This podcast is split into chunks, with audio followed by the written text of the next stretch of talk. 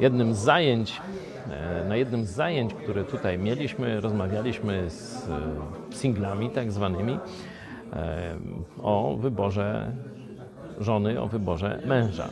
Stąd chciałem taką główną myśl także Wam przedstawić. Nie najpierw oczywiście pierwszeństwo mają kobiety.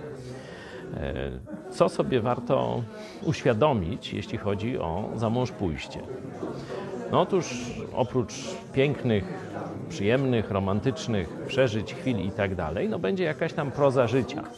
Zapewne jej będzie większość, 70-80%, czyli wybierz sobie to, czego nie lubisz.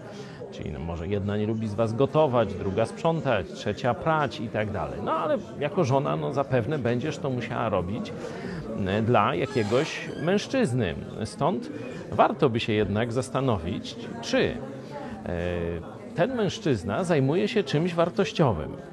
Bo jeśli on będzie tylko, że tak powiem, zajmował się jakimś hobby, grał na komputerze, pił piwo, chodził na jakiś sport i nic więcej, no to nie będziesz miała wielkiej satysfakcji z tego, że e, pierzesz, sprzątasz i gotujesz dla takiego mężczyzny. Ale jeśli to będzie miał mężczyzna, będzie mężczyzna, który będzie miał takie e, wartości, takie cele, jakie ty masz, no zakładam, że jakieś masz większe cele niż tylko doświadczenie jakiejś tam krótkotrwałej przyjemności, że masz w, ży w życiu jakieś cele. Jeśli będziesz miała mężczyznę, który te cele realizuje, to praca dla niego, gotowanie, sprzątanie i tak dalej, będzie jednocześnie pracą dla tego celu. W tym sensie będziesz miała udział w wielkim celu.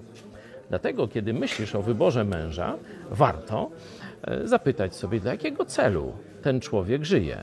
Czy to jest mój cel?